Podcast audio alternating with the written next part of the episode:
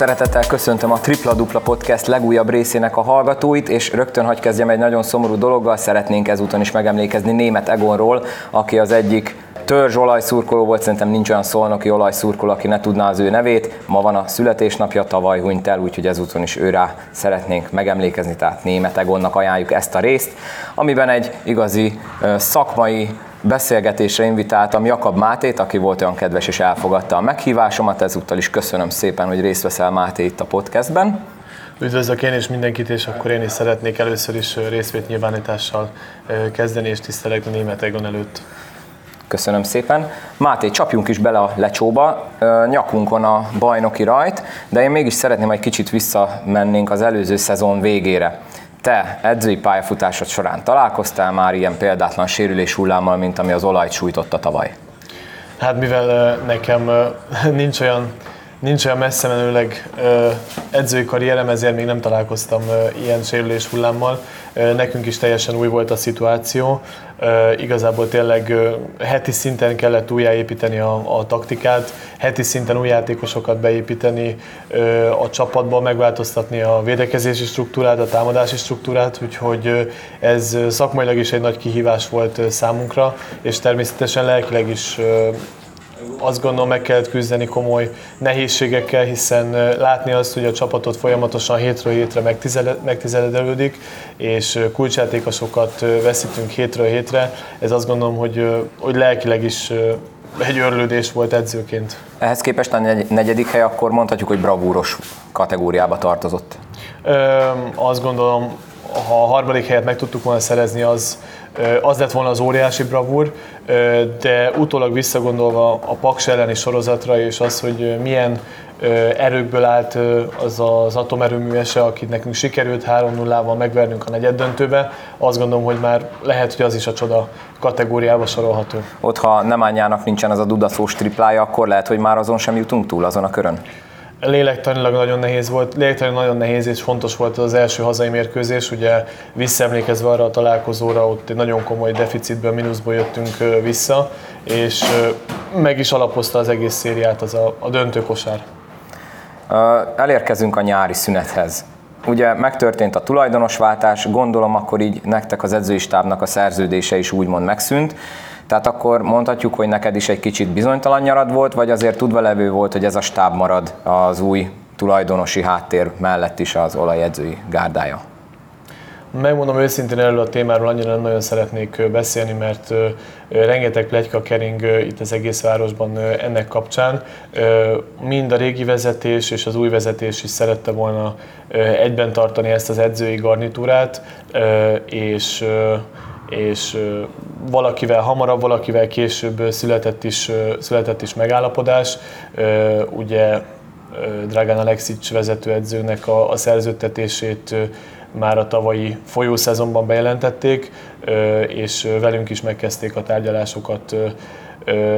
De igen, tehát mindkét vezetésnek az a célja volt, hogy ezzel az edzői garnitúrával folytassuk a következő évet. Kaptál egyébként máshonnan ajánlatokat már, hogyha publikus is elárulod ezt nekünk? Vagy annyira biztos volt, hogy itt maradsz, hogy már meg se keresnek? Mm, volt, volt, volt máshonnan ajánlatom, úgyhogy, de az olaj mellett döntöttem. Vezetőedzői ajánlatok voltak egyébként? Volt vezetőedzői ajánlat is közte, igen. Akkor szerintem ezt most igazán megbecsülhetjük mi szolnokiak, hogy mégis a maradás mellett döntöttél. Egy kicsit áruljál nekem, légy szíves, műhelytitkokat. Hogyan működik ma Magyarországon a játékos keresés? Gondolok itt elsősorban a légiósokra. Erről is lehet mindenfélét hallani, hogy YouTube videók, ügynökségek, viszont te, aki ugye a scoutingnak, tehát a megfigyelésnek vagy a nagymestere, hogyha fogalmazhatok így, talán te egy kicsit uh, tudod nekünk tisztázni a képet, hogy hogyan működik ez ma Magyarországon? Azt gondolom, hogy ez a játékos kiválasztás ez egy óriási felelősség, és nem akarok százalékokat mondani, de hogy hány százalékban határozza meg a, egy csapatnak a szezonját a légiós kiválasztás, de nagyban meghatározza. Így erre mi nagyon-nagyon nagy hangsúlyt fektetünk itt a Szolnoki olajnál. Szerencsére rendelkezésünkre áll egy rendelkezésünkre áll egy olyan szoftver, amit használhatunk egész szezonban, amelyik gyakorlatilag az egész nemzetközi és, a, és az amerikai kosárlabda bajnokságokat is lefedik, így hozzájuthatunk olyan információkhoz, olyan videókhoz, és anyagokhoz, amikhez más nem. Természetesen különböző ügynökségektől beérkeznek a, játékosok, akik, akik szabadlistára kerülnek és igazolhatók. Magyar ügynökségekkel és külföldi ügynökségekkel is dolgozunk együtt. A vezetőedző kollégával, Drágánnal felállítjuk a, a, a, az elképzeléseinket, milyen típusú játékosokat szeretnénk bizonyos posztokra és ha megvan az elképzelés, akkor elkezdünk keresgélni. Majd a beérkezett, beérkezett játékos anyagokat természetesen megnézzük a statisztikáit, használjuk ezt a, ezt a nagyon komoly szoftvert, amivel nagyon sok információhoz juthatunk. Igazából én nem szoktam hagyatkozni YouTube videókra és highlightokra és összevágásokra, mert azt gondolom, hogy minden játékosból lehet készíteni olyan összevágást, ami a szezonban lévő jó megmozdulásait összesíti, úgyhogy én inkább a, ebben a videóelemző szoftverünkben bízom és használom is. Ha egy játékos mindezeken a rostán átment és átesett, utána következik az a, az a része, hogy megpróbáljuk le, leinfózni emberileg a munkamoráját, viselkedését, attitűdét, próbálunk kapcsolatokat szerezni az előző csapatának az edzői, edzőihez, mert elsősorban ezen a nyáron nagyon fontos volt az, hogy olyan játékosokat igazoljunk, akik emberileg megfelelnek a mi szakmai, megfelelnek a kritériumainknak. Csak olyan játékosokkal szerettünk volna együtt dolgozni, akik, akiknek igazán jó a munkamorája. Továbbá én ezen a nyáron saját kezdeményezésemre eljutottam Las Vegasba a Summer League-re, ahol, ahol az itt játszó, az, e, most már a leigazolt játékosaink közül két játékost is sikerült megnéznem. Igazából azt gondolom, hogy jó volt látni ott a, ezt az amerikai kosárlabda közeget, mert el tudtam helyezni ezeket a játékosokat, hogy milyen sebességgel és milyen ritmusba játszanak akár ott a helyszínen. Tucker volt az egyik, ugye, ha jól tudom, ki volt a másik? És, az, és, a, és a Speedy Smith, Speedy Smith. ő pedig a, a New York Knicks csapatát erősítette, de Kerry Tucker pedig a Phoenix Suns-nál játszott a nyári ligában. Most voltál először egyébként Amerikában így kosárlabda vonatkozásilag? Uh, igen, most voltam először, ez, a, ez teljesen az én saját kezdeményezésem uh, volt, uh, hogy eljussak erre a Summer League-re. Kor, nem, régebbi edző kollégáimtól hallottam, illetve külföldi kollégák javasolták, hogy mindenféleképpen menjek el erre a rendezvényre, mert gyakorlatilag Európa krémje és Amerika krémje ott van, és nagyon könnyű, nagyon könnyű kapcsolatokat teremteni, és, és a játékosokkal is játékosokat is nagyon-nagyon egyszerűen meg lehet figyelni. Annak, aki nem volt még Amerikában, mert én szerencsére magamról is elmondhatom, hogy voltam NBA mérkőzésen, picit próbáld már lefesteni a hallgatóknak, hogy mennyivel másabb ott ez a kosárlabda közeg, mint itt Európában.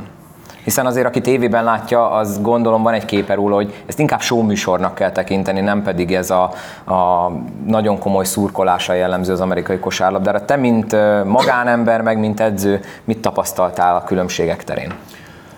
Azt gondolom nagyon érdekes volt ez a, ez a Summer League, hiszen én NBA meccsen még nem voltam, úgyhogy nagyon irigyellek. Köszönöm. De oda is szeretnék eljutni. Nagyon érdekes ez a Summer League, ugye, mert a játékosok egy csapatot alkotnak, de látni kell azt, hogy mindenki igazából harcol a saját helyéért. Egy ilyen nyári ligás csapatból a 12, 13, 14-es, négy fős keretből igazából kettő illetve három játékos az, aki, aki szerződést kap ugye az első csapathoz. A, a többi fennmaradó tíz játékos igazából igazából európai csapatokban helyezkedik el, esetleg a, a G ligában kap helyet, úgyhogy nagyon érdekes, érdekes mérkőzéseket láthattam, mert egyrészt nyilván csapatok küzdöttek egymás ellen, de látható volt az, hogy mindenki szerette volna megmutatni az egyéni képességét hogy miben jó támadásban, védekezésben egyaránt.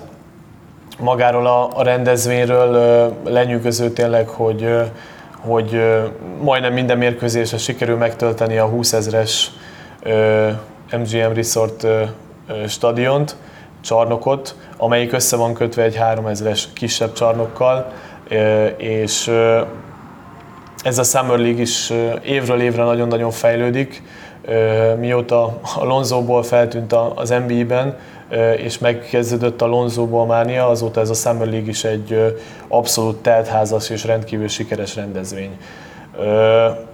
Találkozhatunk NBA-s edzőkkel, európai edzőkkel, klubvezetőkkel, ügynökökkel, menedzserekkel, tehát tényleg nagyon sokszínű a, a, a paletta. Fotózkodtál is egy nagyon neves NBA edzővel, ha jól emlékszem. Uh, igen, többel is sikerült, többel is sikerült képet, képet készítenem. Sikerült képet készítenem a Billy Donovannal, aki az Oklahoma City Thundernek az edzője, és a Mike Malone-nal is, aki a Denver nuggets ugye főcsoport döntőt, döntőt játszott. Úgyhogy, úgyhogy szerencsésnek mondhatom magamat. Ilyenkor egyébként tudsz velük váltani pár szót, vagy tényleg csak ennyi, hogy sikerül őket egy fényképre elkapni, vagy lehet esetleg egy-két szakmai kérdést feltenni nekik? A, megmondom őszintén, hogy olyan szempontból szerencsés szituációban voltam, hogy volt egy, le, előre leegyeztetett megbeszélésem a Washington Wizardsnak a, a jelenlegi általános igazgatójával, general managerével. Mi ezt a megbeszélést már a, a túrám előtt leegyeztettük, és volt olyan kedves, hogy kaptam egy, egy belépőt, belépőt tőle, ami igazából azokra a helyekre szólt, ahol az edzők, az NBA-s edzők, megfigyelők és igazából kiemelt személyiségek ültek, úgyhogy lehetőségem volt ezekbe a szektorokba helyet foglalni, és így sikerült közel férkőznöm a, a, a vezetőedző kollégákhoz. Nyilván egy gyors bemutatkozás után elmondtam, hogy Magyarországról érkeztem, és melyik csapatnál dolgoztam, vagy dolgozom és dolgoztam, és láttam az arcukon, hogy nagyjából el tudják helyezni Magyarországot a térképen. Egyébként ezt én is meglepően tap, meglepedve tapasztaltam, mert ugye az a sztereotípia, hogy azt se tudják, hogy hol van Magyarország. Mondjuk én ilyen szempontból jó helyen voltam Clevelandben, ugye Ohio-ban rengeteg magyar ment ki Igen. az 56-os forradalom idején, úgyhogy ott aztán végképp tudták, hogy merre van Magyarország. Egyébként tényleg én is irigyellek téged, mert szakmai szemmel, meg egyébként így szurkolói szemmel is ez valami eszméletlen élmény lehetett. Oké, okay, menjünk egy kicsit tovább. Akkor két játékosról már beszéltünk. A konkrét kiválasztása hogyan történt például Morannak és uh, André Jonesnak? Ugye Demetris Morantról beszélünk, egy ötös posztos játékosról.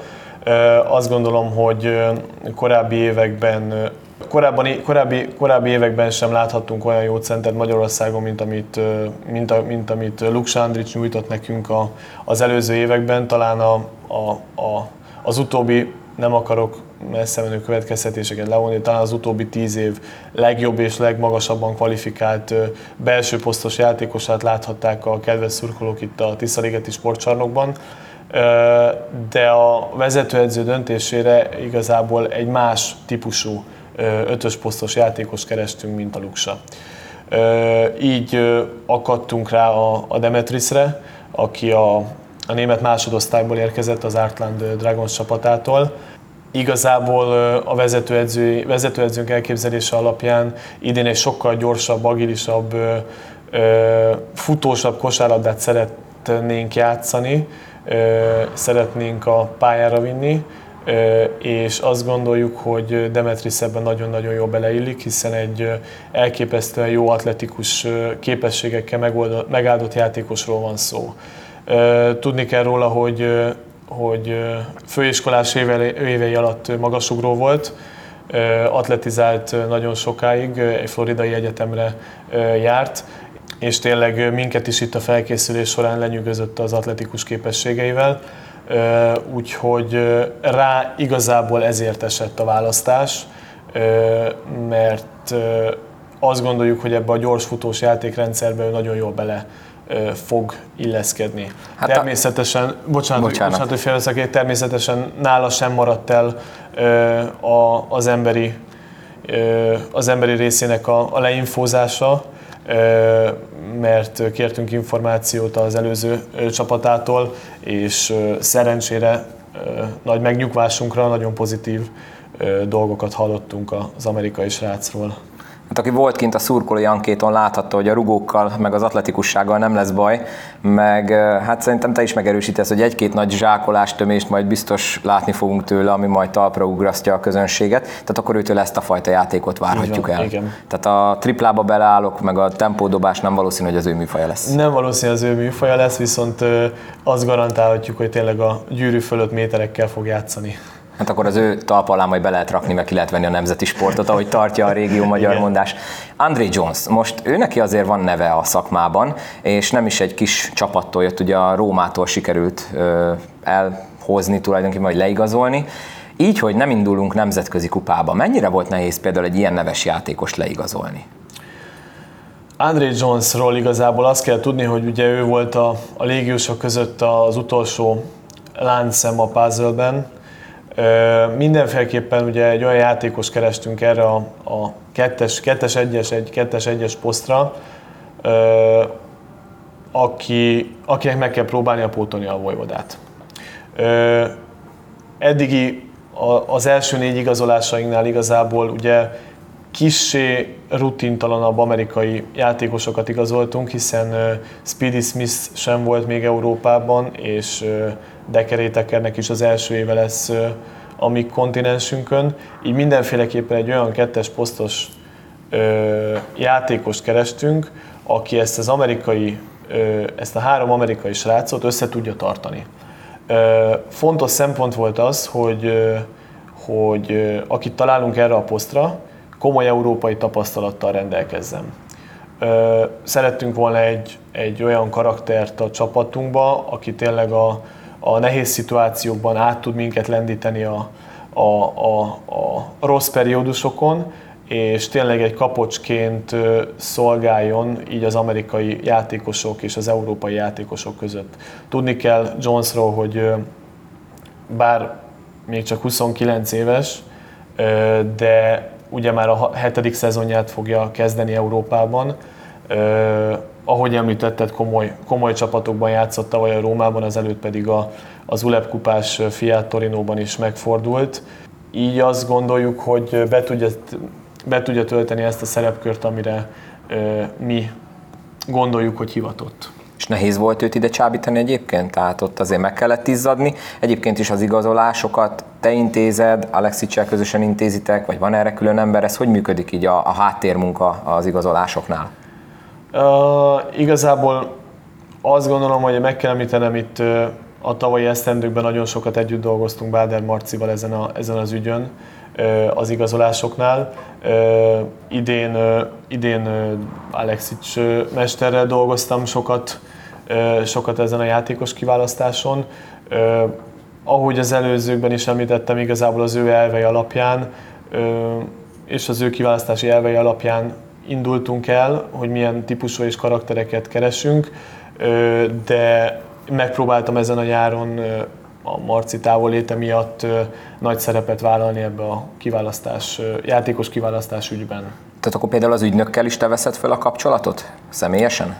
Igen, igen. Ha, ha találunk egy olyan játékost a kiválasztott listán, akkor az első, első dolog az, hogy az ügynökkel felveszünk a kapcsolatot, igen. És akkor van az egy szem nem amerikai légiósunk. Így van. Ha már ennyire amerikai irányban mozdultunk el légiós vonalon, ami egyébként nem is volt jellemző az utóbbi években az olajbányászra, akkor adódik a kérdés, az ötödik légiós miért nem lett amerikai? Van-e ennek valami prózai oka, vagy csak így sikerült? Vagy annyi nemes egyszerűsége, hogy Krisztics volt a legmegfelelőbb erre a posztra? Igazából a Nemanja Kriszticsnek a neve már a tavalyi szezon végén is befutott hozzánk. Ö, nagyon tehetséges srácról van szó, nagyon jó, nagyon jó képességekkel. A híres ugye Megavizúra ö, kosárlabda akadémián nevelkedett ő, és nagyon impozáns volt azok a felvételek, amiket amiket megnéztünk róla így a, a, már a szezon végén. Tehát gyakorlatilag elmondhatom, hogy a, a Nemanja Krisztics volt nekünk az első név, aki, akivel találkoztunk a légiós kiválasztások kapcsán.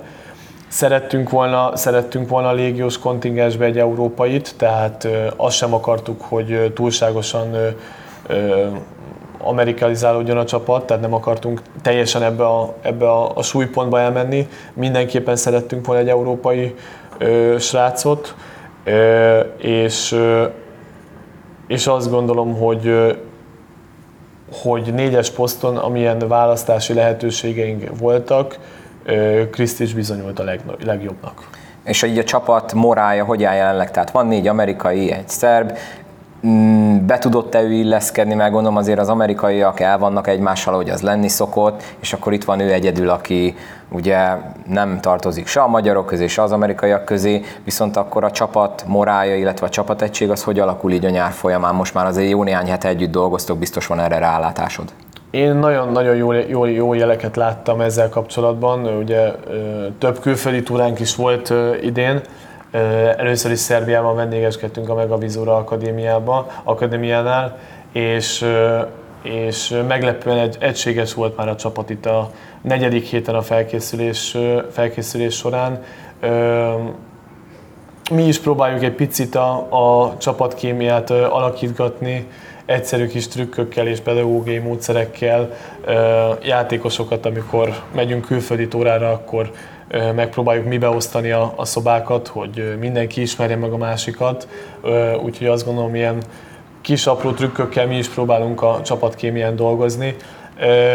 Én nem érzem a, a Nemanja, hogy kilógna itt a, a, a sorból, sőt, sőt azt mondta, hogy hogy korábbi csapataihoz képest ezek az amerikai srácok rendkívül normálisak és befogadók és, és nyitottak mindenféle beszélgetésre, úgyhogy nem gondolom, hogy a, a, a Nemanja egyedül lenne, de hamarosan érkezik a családja, hiszen neki van egy, egy kis egy-két éves fia, úgyhogy az biztos, hogy majd kitölti a szabad perceit. Ebben biztosak lehetünk. Még egy kérdés légiósokkal kapcsolatban. Én a családi napon el csíptem egy ilyen beszélgetést a szurkolók között, hogy az elmúlt években ugye sokszor volt olyan, hogy évközben kellett légiós cserélni ilyen, ilyen-olyan okok miatt, ebben most nem menjünk bele, hogy miért nincsen itt a szolnoki olajnál olyan, illetve a szolnoki olajbányásznál, még mindig szokni kell ezt az új nevet, szóval nálunk miért nincsen, hogy próbajáték, amivel ugye sokszor lehet olvasni, hogy a körmend, a paks, meg még mondhatnék egy-két csapatot, akik élni szoktak, hogy egy-két hétig idehívnak egy játékost és megnézik, hogy mit tud, és ha jó szerződtetik, ha nem, akkor keresgélnek tovább. Van erre valami egyszerű válasz? Egyszerű válasz nincs. A, talán körül tudom írni ezt a problematikát. Egyrésztről próbálunk olyan játékosokat szerződtetni, próbálunk olyan játékosokat találni a, a rendszerbe, és annyira teljes körülön leinfózni, hogy, hogy amikor hogy mi biztosak vagyunk a választásunkban. Tehát amikor azt gondolom, főleg ebben a szezonban, akire mi kimondtuk az áment, és kimondtuk a, a, a, és letettük mellette a voksát, abba én is, a vezetőség is, a Dragan is száz biztos volt, hogy, hogy, hogy működni fog, és bele fog illeni a koncepcióba. Másrésztről ilyen szintű játékosok, akiket akár a jelenlegi szezonra igazoltunk, nem biztos, hogy elfogadnák a próbaidős. Ugye tanulva a tavalyi hibánkból nem szerettünk volna rookie, tehát újonc játékosokat igazolni, akik, a, akik épp most fejezték be az egyetemet, hiszen ezzel tavaly is kicsi meggyűlt a bajunk. Ö, sejtem, kire gondolsz. Tavaly is meggyűlt a bajunk esetleg olyan játékosoknál, akik, akik az NCAA-t befejezik Amerikában, és első európai szezonjukat kezdik, esetleg náluk a próbajáték szerintem az elképzelhető. De ilyen szintű játékosok, akiket mi idén igazoltunk, azt gondolom, hogy a próbaidő szerződésbe igazából nem is mennének bele. Igen, azért érdekes lenne elképzelni egy André Jones-t egy két éves, vagy egy két hetes próbajátékos szerződéssel. Igen. Két magyar játékos jött, Tóth Norbi és Jós Levente. Azt hagyjuk, hogy most milyen reakciót váltott ki a szerződtetésük, ezt azóta szerintem már megbeszéltük, meg már mi is beszéltünk itt a podcastben az említett két úriemberrel. A Jós Leventét még úgy nagyjából értem, viszont több szurkoló társunkkal a Tóth Norbinál nem értettük azt, hogy ő hogy illik bele ebbe a gyors játékba, hiszen ő neki azért nem az a legelőször eszünkbe jutó tulajdonság, hogy szélsebes és fürge játékos. Ő neki mi lesz a szerepe ebbe a gyors kosárlabdát játszó csapatba? Igazából azt gondolom, itt a felkészülési mérkőzéseken megmutatkozott az, hogy Norbi is nagyon jól beleillik ebbe, ebbe az egész koncepcióba. Valóban nem, a, nem az agilitásáról és a gyorsaságáról híres, viszont viszont tapasztalható volt ezeken az, e, ezek, az eddigi lejátszott edzőmérkőzések során, hogy hihetetlen intenzitást tud nekünk adni a Norbi védekezésben.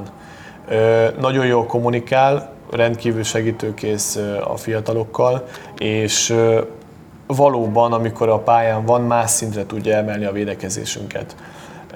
Úgyhogy azt gondolom elsősorban tőle ezt lehet elvárni, amikor a pályán van, hogy, hogy intenzívebb lesz a védekezésünk, amiből aztán a, aztán a maradék négy játékos pedig tud indulni és gyorsítás gólokat dobni. Ezen a külföldi túrákon is tényleg személyiségével, karakterével, meglátásaival nagyon sokszor, sok szituációban segítette fiatalabb játékosainkat, akik nagy szerephez jutottak itt a felkészülési mérkőzések alatt, és tényleg hasznos tanácsokkal látta el Norbi őket. Ha már a fiatalokat szóba hoztad, kik azok, akik az aktív rotáció tagjai lehetnek szerinted? Azt gondolom, hogy ez kiszámíthatatlan, tehát Alexics mesternél nyílt verseny van, nyílt verseny van igazából a, a helyekért. Nyilván a, a felkészülési mérkőzésekből bizonyos rotációs dolgokat le lehet szűrni, de teljesen más lesz az, amikor eljön a, a, eljön a bajnoki idény, és, és mérkőzésre mérkőzésre kell felkészülni és játszani. Szerintem szerintem dicsérhető a felkészülési mérkőzések során Rudner Gábornak a teljesítménye, aki, aki tényleg most már pontokban is megmutatkoz, megmutatkozott, hogy hozzá tud tenni a csapat eredményességéhez. Bár még nagyon fiatal, de nagyon impozáns játékot mutatott Pallai Tamás is. Ugye ő is már csatlakozott a felnőtt csapathoz a tavalyi esztendőben. Néha-néha még elkövet néhány gyermetek hibát, ami, ami talán utánpótlás szinten belefér, de sokszor emlékeztetni kell rá, hogy ez már a felnőtt, felnőttek világa és a felnőtt kosárlabda, viszont amilyen hozzáállással dolgozik napról napra Tamás, azt gondolom, hogy ez hosszú távon abszolút kifizetődő lesz.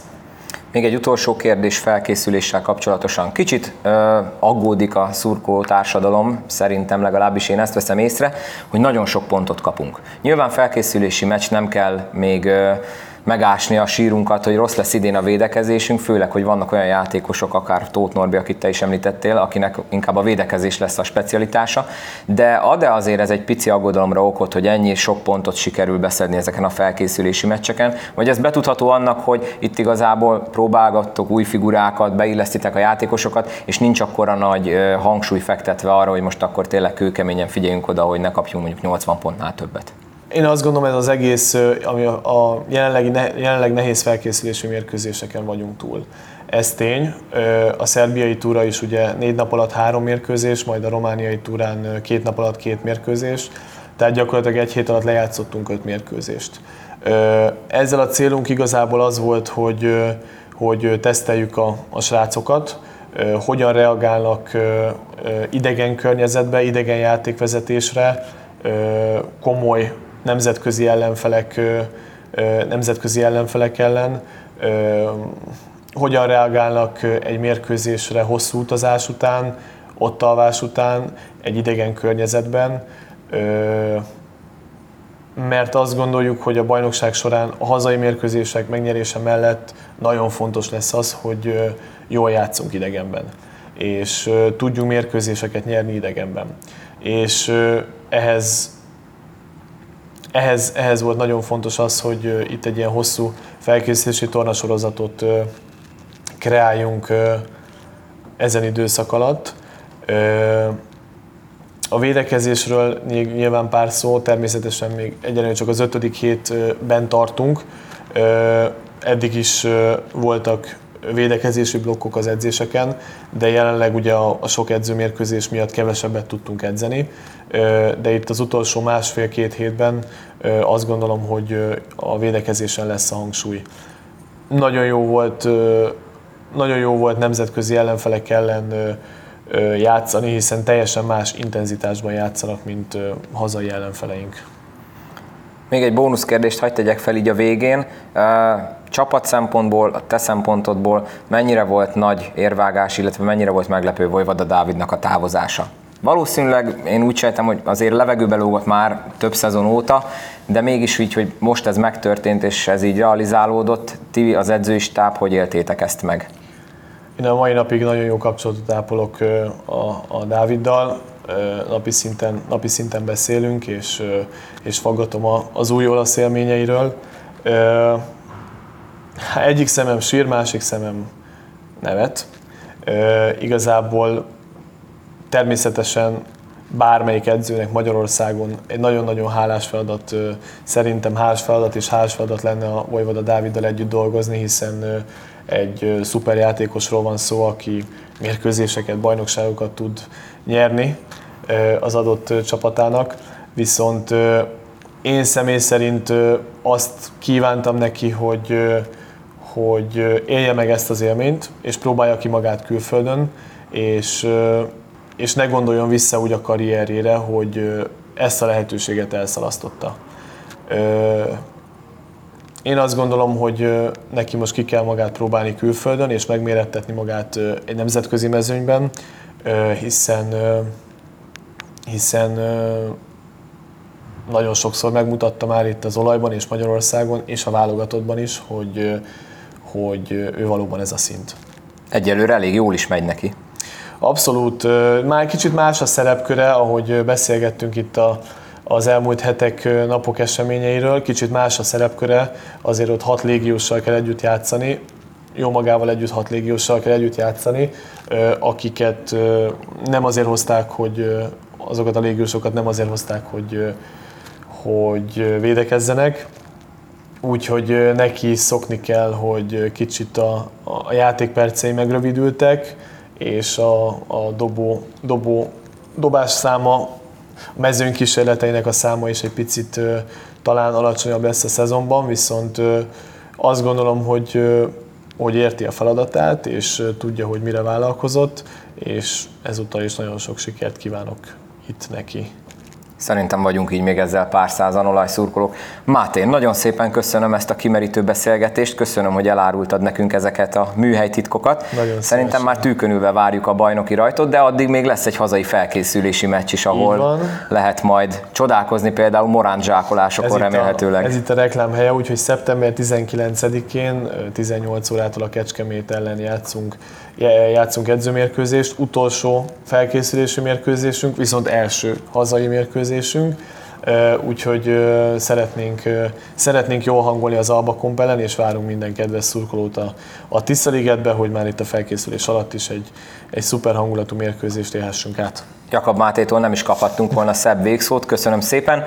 Még mielőtt elbúcsúznék, megint csak szeretném megkérni az összes hallgatót, hogy egyrészt hallgassatok minket rendszeresen, ez már ugye a harmadik rész volt, és megnyugtatok mindenkit, hogy lesz még több. Lájkoljátok a Facebook oldalt, most már megvan a Instagram oldala is a Tripla Dupla Podcastnek, ott is kövessetek, hiszen ott lesznek majd olyan tartalmak, amik nem hanganyagok és csak ott fognak felkerülni. Ezen kívül Spotify-on, Apple Podcasten is lehet minket hallgatni, illetve természetesen a fő oldal az a Podbean-es oldal, de Soundcloudon is, tehát olyan nem létezik létezik, hogy valaki ne tudjon uh, tripla-duplát hallgatni, úgyhogy Jakab Máténak még egyszer köszönöm a részvételt, és reményeim szerint gyakori vendég leszel a Tripla Dupla podcastben. Köszönöm szépen a lehetőséget. Köszönöm szépen, hogy meghallgattatok minket, hajrá olaj! Hajrá olaj!